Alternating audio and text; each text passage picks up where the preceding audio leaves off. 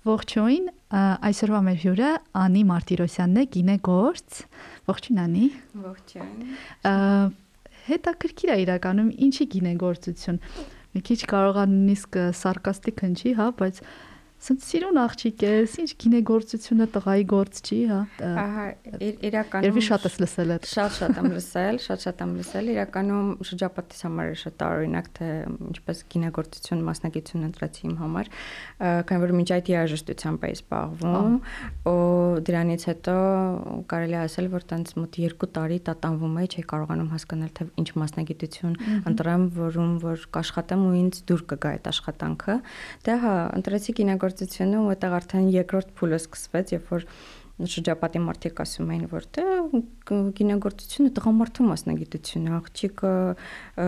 անել փոքրամարմին ոնց կարա աշխատի գինեգործության ոլորտում, բայց Իրականում ընտրեցի, հիմա աշխատում եմ, ավարտել եմ այդ ուղությամբ ու բավականին գոհ եմ Դες խոսեցիր նրա մասին, որ աղջիկ փոքրամարմին արդյոք այդ ֆիզիկական կոմպոնենտը շատ կարևոր է գործի մեջ, թե ավելի կարևոր հմտություններ էլ կան, քան այդ ֆիզիկական։ Իրականում ֆիզիկականն էլ է շատ կարևոր, ու նաև վինիֆիկացիայից հասկանալ, այդ էլ է կարևորն չի, որ մենակ ֆիզիկականն է, իսկ ինտելեկտուալ մասը այդտեղ ճնշվում է։ Շատ կարևոր է, որ քիմիա իմանալ գինեգործության մեջ ու պատրաստ լինել ֆիզիկական ծանր աշխատանքին, քանի որ արտադրությունը երբեմն անհրաժեշտ է լինում ծանր գործեր անել, անհրաժեշտ է լինում նաև երկար աշխատել, հատկապես բերքահավաքի սեզոնին, մեկ-մեկ նենց է դասավորվում, որ տուն առհասարակ չես գալիս ու պետքա զանգահարես, ասես այսօր ինձ տանը մի սպասեք հաստատ։ Դա, բայց Իրականում ֆիզիկական ծանր աշխատանքը չի միակ ոնց որ ասած ցուցիչը, էլի, լավ գինեգործ լինելու մեջ։ Նաև քիմիա Այո, այո, քիմիայի իմացությունը առանցքային է, քանի որ մենք խոսում ենք խաղողից գինի պատրաստելու այդ ամբողջ այդ process-ի մասին, որը իրականում քիմիայի տենց ռեակցիաների շարքը ու գինեգործը պարտավոր է գլուխանի թե ինչ որ փուլում ինչ կարա սпасի կամ ինչ խնդիր կարա ունենա ու առհասարակ ինչա տեղի ունենում այդ վինիֆիկացիայի ժամանակ Դες այդ process-ների մասին կարծես թե արդեն ինքդ էլ շեշտեցիր, ինձ հետաքրքիր է իրականում այդ process-ները։ Երևի թե ամեն դեպքում պետքա ֆիքսված, սենց մեխված լինեն, ոնց պետքա իրականացնես, որովհետև երևի ամեն մի փոփոխություն կարա ազդի, հա։ Ինչ փոփոխություններ օրինակ կարան ազդեն գինո վրա։ Ա օրինակ հողը, հա, հողը։ Ահա, նախ եթե հողից խոսենք, ուրեմն նշեմ, որ գինու որակի ամենակարևոր, այսպեսի գինեգործության մեջ մի հատ հասկացություն կա տերոար ասվածը, որը որ բավականին կանխատեսելի է դարձնում գինու որակը հիմա բացատրեմ ոնց տերոար հասկացությունը իր մեջ ներառում է հողակլիմայական պայմանները, խաղողի տեսակները, թե որ հողում ինչպես իրեն կդրսևորի մշակ մշակույթ ասվածը, նաև կարելի ասել տրադիցիոն մեթոդները, որոնք որ օրինակ ընդունված են այսինչ վայրում, այս այս այսպիսի գինի արտադրելու մեջ եւ այլն ինքը այսպիսի ֆակտորների մի խումբ է, որը որ գինու որակի մասին է խոսում։ Իհարկե գինեգործությունը գրքային ու տեսականորեն ինքը շատ տենց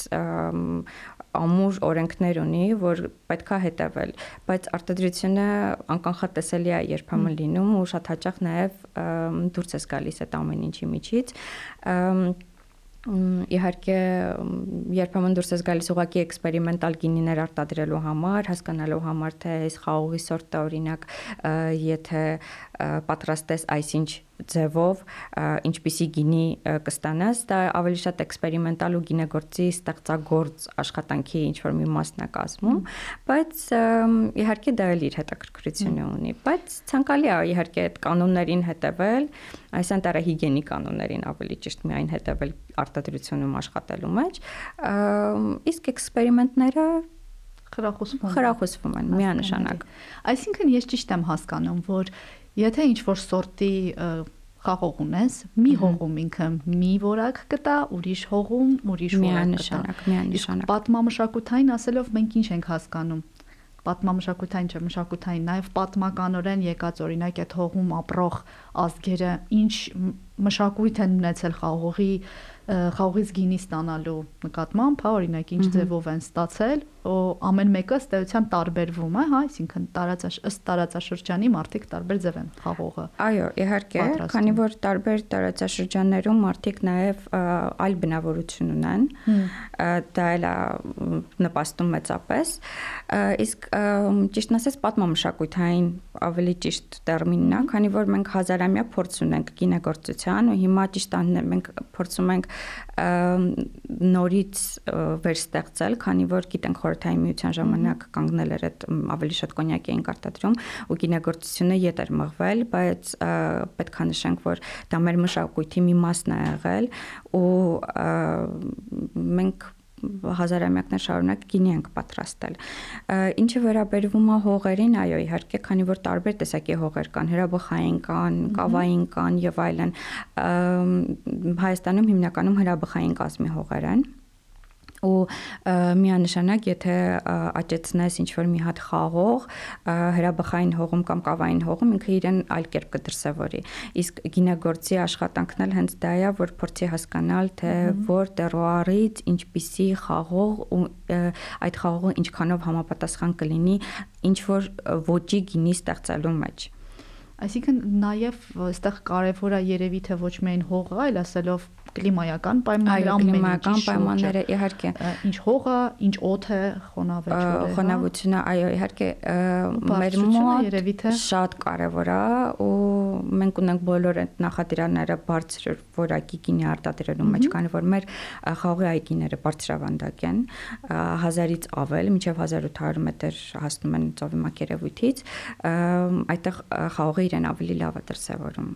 հասունանալը եւ այլն ավելի լավ է դրսևորում, բացի դրանից արևի արևային օրերը, որ տարեկան ունենք մոտ 300-ից 310 արևային օր,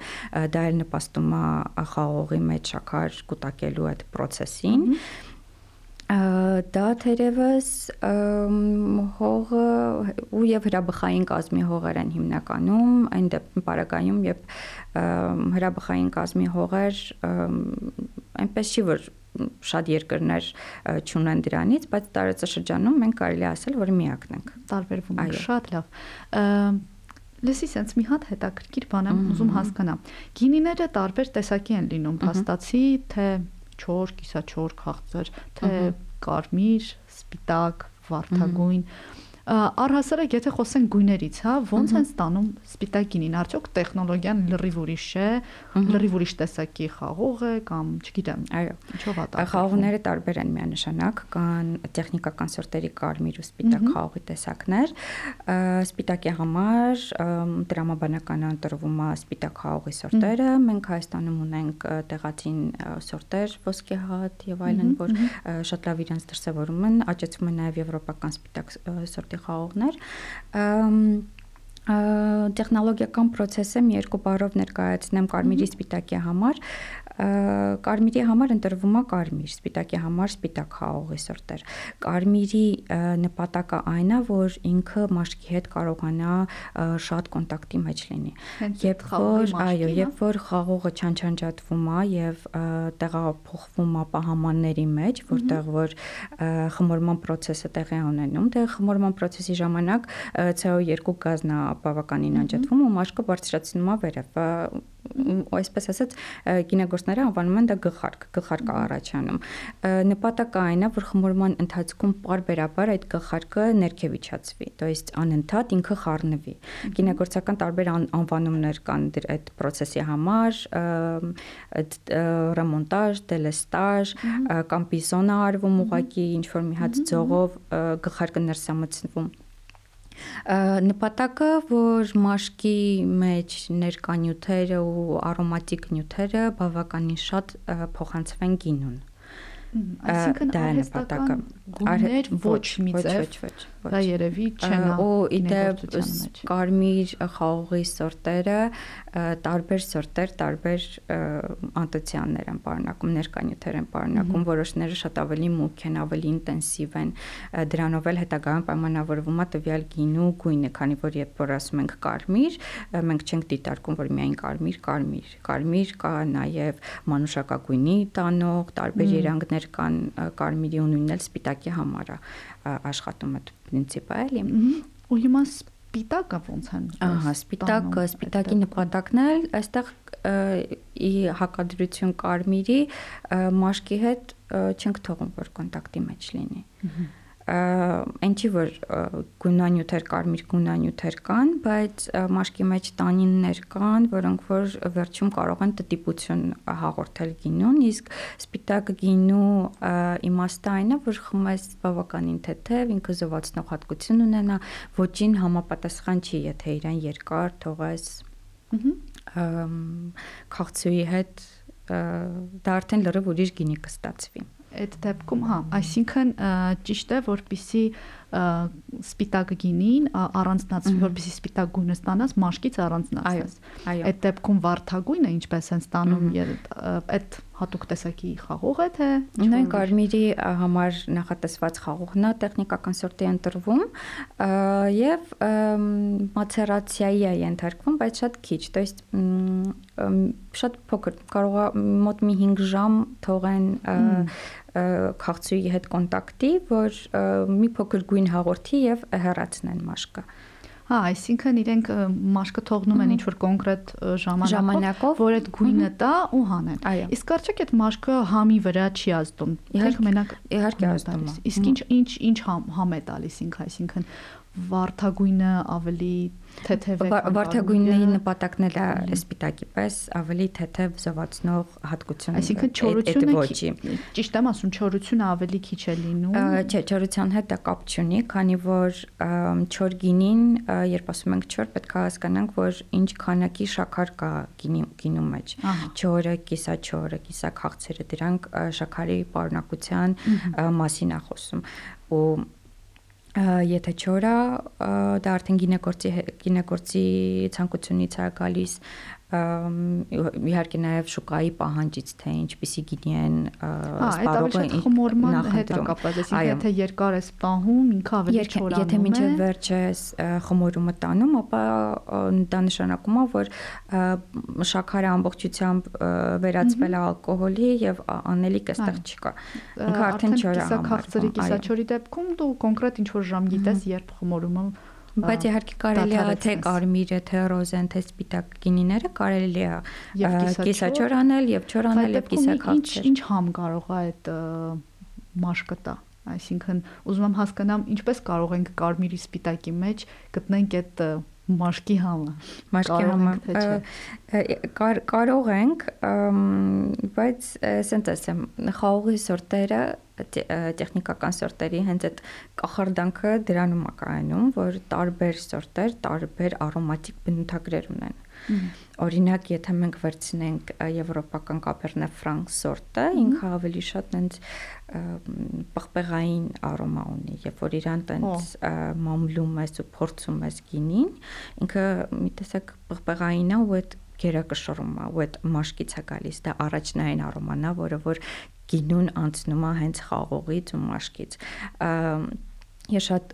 լիահույս եմ, որ հայկական տեխնիկական սորտերն էլ մի օր այնքան կուսումնասիրվեն ու այնքան փորձ կկուտակենք, որ կկարողանանք ոնց որ որ եվրոպական սորտերն ենք բնորոշում, խաղողի տեսակները ու իրենց արոմատիկ բնութագրերը, նույնպես կկարողանանք անել մեր հայկական սորտերի հետ, քանի որ մեծ հսկայական պոտենցիալ ունեն։ Մեծ շուկա է ձևավորվում մեր գինու փառատոնը մի մեծ օրինակ, որ տարեց տարի մարդիկ ավելի ու ավելի են շատանում, անձամբին վրա օրինակ բերեմ, երբ որ ինձ գինին անտարբեր էր, այսինքն ես վստահում եմ ընտանիքիս անդամներին, եթե իրենք ինձ գինի են տալիս, գիտեմ որ լավն է, այդքանով ամեն ինչ ասված է։ Բայց վերջերս իրոք հետաքրքրում է թե այդ համը, թե չգիտեմ, փորձել հասկանալ թե ինչ գինի է, որն է իմ համար ավելի հաճելի, որը չէ։ Ու անդադ բախվում եմ այդ, չգիտեմ, ճիշտ կնի անվանել հմտության է, որ մարդիկ իրականում համ տեսելով գինին միանգամից փորձում են գլխի ընկնել, թե որտեղից է, նույնիսկ ֆիլմերում էլ, հա, ասում են 73 թվականի Ֆրանսիայի այս տեղում այսքան փունջը այսպեսին է, ու նույնիսկ դա իմ մոտ մեկ-մեկ ծիծաղել է առաջացնում, որովհետև չեմ հավատում, որ տենց բան հնարավոր է հավատացեք հնարավոր է, եթե անընդհատ մարսես, որտեղ ինքը սպորտի պես է, համահոտային զգայարանները անընդհատ հա։ պետք է մարսվեն, անընդհատ պետք է գինի փորձես ու տարբեր գինիներ փորձես, ոչ թե մի արտադրող ինչ որ մի գինի, այլ անընդհատ փորձես ու փորձես հասկանալ։ Մեր մոտ գինեգործությունը երևի կզարգանա ու ոլորտը շատ ավելի կզարգանա, եթե յուրաքանչյուր սպառող փորձի գինին հասկանալ։ Գիտեք, կիսաքաղցր քաղցր գինիները մի քիչ ավելի հեշտ ընկալելի են դրա համար մարդիկ երևի ավելի հակված են դրանք սիրելու մեջ բայց Իսկ չորգինին մի քիչ ավելի դժվար է անցալվում։ Պետքա փորձես հասկանաս, պետքա լցնես, խաղաս բաժակի հետ, ինչ որ համտեսի տենց դրույթներ օգտագործես, հա։ եթե իհարկե գինես երես։ Եթե չէ, ուղղակի սովորական կարելի է սպառել գինին ու էլի հաճույք ստանալ։ Այստեղից մոտս երկու հարց ցակեց։ Առաջինը անձնական հարցը, արդյոք դու խմում ես գինի ու այդ քո գործի մեջ իրական մտնում է համտեսումը թե ոչ։ Այո, շատ համտեսելը պարտադիր կինոգործի ոնց որ հաճելի աշխատանքներից մեկն է համտեսում ես որ հասկանաս արդյոք ինին պատրաստ է հաջորդ փուլ օրինակ անցնելու համար որովհետև կարող է գինին պատրաստ լինել ու ցանկանաս շշալեցնել ու մեկ էլ համտեսես գաս ինչ որ մի բան են չի իհարկե այն պրակտիկայում նման բան չի եղել բայց իրականում պետք է համտեսես որ այդ այդ մասը բացառես բայց ես իրականում առաջ ավելի շատ էի խմում հիմա պետքա կամ այդ ամեն ինչը կոմպենսացնեմ, հասնեմ նրան ինչ որ առաջ խմում էի, որովհետև հիմա մի քիչ կարելի ասել զուլացել եմ, բայց նոր արտադրողներ փորձել գինիներ, ոճեր հասկանալ այդ մի բաստացի ասցիր որ նույնիսկ գույներն էլ են դեր խաղում, այսինքն ոչ միայն համ հոտն է զարգանում, այլ նաև տեսողական այդ երանգներ տարբերակելը ինձ թվում է կարմիրի դեպքում երևի թե Էլի բարդ է, որ մտածում եմ, հա, կարմիրը կարմիր է, բայց սպիտակը առավել եւս բարդ կլինի երևի թե գույների երանգների։ Դե սպիտակի համար չէ, էլի երանգներ կան, էլի երանգներ կան սպիտակի հետ։ Կան իրական մի փոքր տեղնավուն, կան մալոչնի, սենց գույներ կան, որ կան դեպի թափանցիկի գնացող, այսինքն դեղին, բայց կանաչային են անվանում օրինակ նման կանաչին։ Նույն ձևի էլ վարդագույնը կարող է ինքը սենց դեպի դեղին վարդագույն, դեպի հենց ուղիղ վարդագույն լինի։ Ու դա հիմնականում օրինակ համտեսող այդ մասնագետներին է անհրաժեշտ, քանի որ իրենք գինուն բնութագիր են տալիս։ Ու բնութագրել գինին որպես միայն կարմիր, ոնց որ ոչ մի բան չես ասում այդ գինու մասին, պետքա նշես։ Ու արդեն ըստ այդ գինու գույնից էլ ես փոքր առաջ նշեցի, կարելի է գլխի ընկնել թե ինչ խաղողի սորտ է, որովհետև նույնիսկ այսինքն առանց համտեսելու նույնիսկ գույնով արդեն դու կարող ես ենթադրել, ենթադրել ու հետո արդեն համտեսելով մի այլ ֆակտորներ հաշվի առնելով, դա իհարկե միանշանակ չի, ու անգամ մասնագետները կարող են սխալվել, բայց հնարավոր է այդ սկիլը զարգացնել ու իրական բավական հետաքրքիր է զարգացման process-ը ասցի երկու հարց ունեմ։ Երկրորդ հարցն էլ վերաբերվում է վերաբերում է նրան, որ օրինակ սպիտակ գինին սիրում են սառը խմել, հա, այսինքն սառնան պետք է դնեն, կարմիրը ոչ, սառնարան չենք դնում։ Բայց նաև կա նման այլ ընդուն ընդունելի մոտեցում, որ գինին շնչել է սիրում, հա, այսինքն դու իրեն բացում ես միջև խմելը, պահում ես մի քանի րոպե, հետո լցնում ես բաժակի մեջ իրեն մի լավ խաղում ես, նոր ես խմում, այսինքն այդ էթիկաները ինչքանով են ճիշտ, այսինքն իրենք միֆ չեն, ինչ որ մշակութային տար չեն։ Չէ, չէ, միֆ չեմ բոլորովին դա կախված է գինու ոճի հետ։ Եթե օրինակ սպիտակը ու հնեցված չէ առավել եւս, ցանկալի է որ ինքը ուղակի իր նպատակը զովացնելը լինի։ Զովացնում ես ու հետո արդեն կախված խաղողի տեսակից ու ոճից փորձում ես ինչ-որ մրգեր, ցիտրուսներ գտնել բաժակի մեջ ու երբ որ փորձում ես գտնել, իրականում գտնում ես շատ լավ։ Կարմիր գինիների հետ կապված, եթե հնեցված գինի է կարմիրը, ապա ցանկալի է որ մի փոքր բացվի գինին դրան կարելի է հասնել դեկանտացիայի միջոցով, то есть ունենք մենք մեր ռեզերվային գինին, որը որ երկար հնեցվել է եւ այլն այնտեղ արկային համ երկրորդային, համ երրորդային արոմաներ, հիմա կբացատրեմ դրանք ինչի մասին են։ Ու ցանկալի է որ այդ գինին բացվի то есть իրեն ժամանակ է տալիս ինքը հոթի հետ շփվում է ու բացվում է ինքը արոմատիկ նա ցանկ նայած գինի հարաբես ժամանակ չեն կարող ասել հա պետք է համտեսենք պետք է համտեսես հա ու մեկ էլ իմ մոտ էլ շատ է եղել որ համտեսել եմ ու մոտ 10 րոպե հետո այդ գինին ավելի լավն է եղել երկրորդ բաժակը ավելի լավ ավելի լավն է հա հա դու երրորդից հետո արդեն չգիտես ի վիճակի կլինես լավը ասել թե չէ հա որովհետև սովորաբար երրորդից կամ լավ չորրորդից կհարփես, ու լավ բաժակից էլի։ Այո Ինչևէ, բացի դրանից ռեզերվային գինիները, քանի որ իրանք երկար նաև շշում են պահվում ու իրանք արդեն այնտեղ երրորդային արոմաներն են ձեռք բերում։ Մենք ասեցինք առաջնային արոմաները, որոնք որ գալիս են անմիջապես խաղողից, երկրորդային արոմաները գինուն անցնում են հետ խմորային այդ շրջանից, կարող են գինիները մալոլակտիկ ֆերմենտացիա ասվածը անցնեն, հետո իրանք տակառների մեջ են հնեցվում ու արոմաները, որոնք որ տակառից է գալիս ու նաև այդ կատնաթթվային խնձորակատնաթթվային խմորման արդյունքում են առաջանում, այդ արոմաներն են ու երրորդն էլ երբ որ արդեն գինին հասունանում է գինին կարա հասունանա պահամանի մեջ, շշերի մեջ, ու այդ արոմաներն են ձևավորվում։ Հիմնականում հնեցված գինիները այդ երեք արոմաներն էլ ունեն հիմնականում էլի ոչ միանշանակ եմ ասում ու երբ ու իրենք քանի որ գույնի առումով իրենք բավականին էլ ինտենսիվ են շատ հնարավոր է որ նստված կառաջացնեն ինչ որ ժամանակի ընթացքում գինին նստված կտա դա կարա գինեքարային նստված կլինի կամ հենց այդ ֆենոլային այդ միացությունների վատ գինեգոց չէ դա վնասակար չի առհասարակ գինեքարը լրիվ բնական product է իրականում գինու մեջ իհարկե արտահանելու համար դա այն պահանջներից է, որ գինին գինե քարջ ունենա առհասարակ, դրա համար ինչ որ մշակելու ձևեր կան գինեգործության մեջ, բայց ու քանի որ այդ նստվածքը կարա առաջանա շշի մեջ, դեկանտացնում ես, որ նստվածքը ուղակի բաժակի մեջ չհայտնվի, բայց դա լավ ու վատ որակի մասին չի խոսում կինո դեկանտացնում ես ու այնուհետև ըմպում ենթադրվում է, եթե մարդ նաև հասկանում է, փորձում է հասկանա, գինին բացվում է այդ ընթացքում հետաքրքիր մագյան կախարդանքը այդ Բայց այդ մենակ կարմիրի հետ, կարմիր ու հնեցված գինիների հետ, այսինքն երիտասարդ կարմիր գինին իմաստ չունի բացել, որպեսզի բոլորովին, բոլորովին, որովհետև երիտասարդ գինիները հիմնականում դա պատրաստվում են, մշակվում են միանգամից ֆիլտրացիա եւ այլն ու իրանք արդեն պատրաստ են սպառողին ներկայացնելու համար։ Իսկ վարդագույնը օրինակ սիրում է սառնություն էլի թե այսինքն վարդագույնը նման է սպիտակին։ Այո, նման է խնայման եւ խնայելու եւ ըմպելու տեսանկյունից նույն դե հա ռոզանել ռոզանել հիմնականում ամփում են երիտասարդ վիճակում ակնկալվում ավերոզեն պետք է մի քիչ ավելի ծաղկային, ավելի փափուկ լինի, մի քիչ ավելի թեթև կանացի ինչ որ գինի էլի, ի տարբերություն սպիտակի, բայց էլի թեթև զվացնող։ Մի հարց տամ, քանի որ ես անձամբ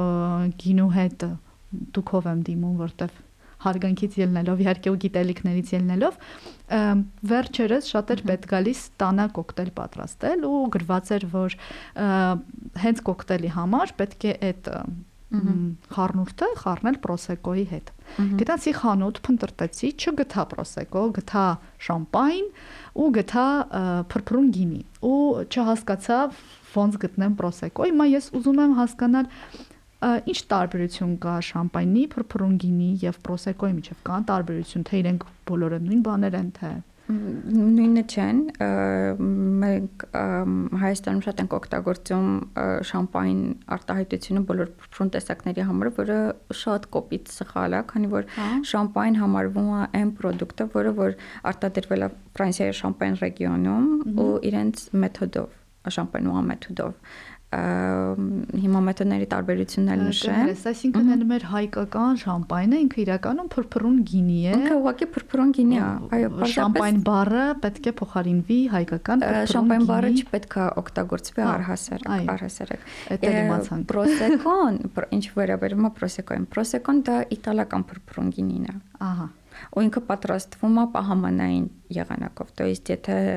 շամպենուա մեթոդը ենթադրում է, որ երկրորդային խմորումը անցնում է, իհարկե եկեք նշենք, որ փրփրուն գինին տարբերությունը սովորական գինուց այն է, որ ինքը երկրորդային խմորում է անցնում։ То есть մենք ունենում ենք սպիտակի գինենյութ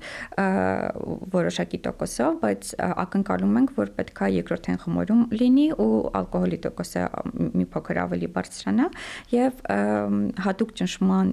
տակ է այդ ամենը տեղի ունենում, որpիսի CO2-ը, որը որ առաջանում է, ինքը մնա շշի մեջ։ Այսինքն հասարակ գինու դեպքում մենք CO2-ը բոլոր դեպքերում ուզում ենք որ ցնդի դուրս գա։ Դե տարբերակ չկա, ինքը պետքա դուրս գա, քանի որ դա սովորական ալկոհոլային այդ ֆերմենտացիայի արդյունքն է։ Բայց փրփրունի դեպքում ինքը պետք է մնա, այսինքն մենք պետք է փակենք, պահենք հնարավորինս փակ վիճակում, որ CO2-ը մնա։ Նո, փակ չէ, հատուկ ճնշում է պետք, որովհետև հակառակ դեպքում շատ վտանգավոր կլինի։ Այո թե եթե շշերը սկսեն պայթել, թե եթե պահամանը դրա համար նախատեսված չի։ Պրոսեկոն պատրաստվում է հենց պահամանային եղանակում, то есть փակ պահամանա ցիստերնա է, որը որ ճնշմանը դիմանում է։ Այնտեղ տեղափոխվում է սպիտակ սպիտակի գինենյութը, ավելացվում է տիրաժային լիկյոր ասվածը, որը որ ինքը դոզավորում է շաքարով ու հատուկ խմորասինկերով, որոնք որ կդիմանան ալկոհոլին։ Հասկացա կկարողանան աշխատել, որովհետև խմորասյունքը ալկոհոլի ներկայությամբ ինքը խեղճանում է, բայց կան խմորասնկեր, որոնք որ դիմանում են, ավելացվում են այդ խմորասնկերը եւ երկրորդային խմորում է գնում արդեն։ Հենց այդ երկրորդային խմորման արդյունքում էլ ունենում ենք տենց հրաշալի product փրփրուն գինին։ Իդեպ ամենասիրելին է իմ։ Ահա, շատ հետաքրքիր։ Այսինքն փրփրուն գինին այս պահին, որը վաճառվում է խանութներում հայկական, ու գրված է հայկական շամպայն։ Ահա։ Ինքը իրականում գինի է, փրփրուն, ու այդ շամպայնը կապ չունի, որովհետև մենք ըստ էության Ֆրանսիայի շամպայն ռեգիոնը չենք։ Այո։ Ահա։ Այդ ռեգիոնը չունենք։ Տեսեք, Իտալիայում արտադրվում է Prosecco, փրփրուն գինինա, Իսպանիայում արտադրվում է Cava, էլի նույն փրփրուն գինինա ըստ երևույթին։ Որ այստեղ ոչ միայն հայկական խնդիր է, իրականում շատ-շատ երկրներում էլ նույնիսկ խանութներում ալկոհոլային բաժնում դու տեսնում ես այդ չեմփեին գրվածքը, որը որ իրականում եթե հետևը այդ ռեգիոնի անունը նշված չի, այսինքն անկեղծ ասած, եթե մասնագիտացված խանութ է, ապա եթե տեսնում ես շամպայն, ուրեմն հաստատ շամպայն է հաստատ հաստատ եթե մասնագիտացված խանութ է եթե ուղակի սուպերմարկետում կամ ուղակի գրպակում ես տեսնում ու այնալ հիմնականում հեծովետական միության երկրներում քանի որ ռուսաստանում էլ լայնորեն ասում են շամպանսկը ու այդ իրանց ոնց որ ժողովրդի մեջ այդ արդեն մտածելակերպ է ոչ թե ինքը դա դժվար է ու ընդ որում այդ մի քիչ այդ սնոբիստական մոտեցումը մեկ-մեկ կա որ շամպայնը գինի չի այսինքն ինքը ավելի քան երկիր, ավելի քան գինիա, քան մնացած ուրիշ ապրանքները, այո։ Շատ լավ։ Կուզենայի ամփոփեի մեր հանդիպումը սենց մի հարցով, որը բոլորին տալիս եմ, միշտ սենց սկզբում ասում եմ այդ ամեն մասնագիտություն, ամեն մարդը որ ընտրում է իր գործը, ինքը իր գործը սիրելով ընտրում։ Ես հուսով եմ, որովհետև դիտորդներին էլ ասեմ, աշխատանքը մի բան է, որ դու քո կյանքի մեծ մասը ժամերը տրամադրում ես դրան ու ցանկալի է գոնե որ մի քիչ իրեն հավանես, հա, մի քիչ սիրես այն ինչ որ անում ես ու գործի ընթացքում ինչ որ պահեր կա որ դու հաճույք ես ստանում այ որն է քո այդ ներքին մոտիվացիան այդ ռոմանտիկ պահը որ դու զգում ես որ ինչ լավ է որ ես օրինակ երաժշտությունը թողեցի ու գտա այն գինեգործությունը ու զբաղվում եմ դրանով իրականում հետաքրքիր հարց է։ Իմ համար ռոմանտիզմը երևի եղել է ու կա ու մնալու է հաստատ ես հավերժ սիրահարված եմ լինելու խաղի այգիներին արտադրությունից դուրս արտադրությունում աշխատելը իհարկե շատ հետաքրքիր է, բավականին ծանր է, բայց ինքը անկանխատեսելի է, տարեց տարի ինչ որ նոր մարտահրավերներ, որ ունենում ես աշխատանքի մեջ, բայց ես որպես այդպեսին անհույս սիրահարված եմ խաղողի այգիներին ու այնալ երբ որ լավ է մշակվում ու շատ գեղեցիկ է։ Այսինքն ամեն բերքահավաքին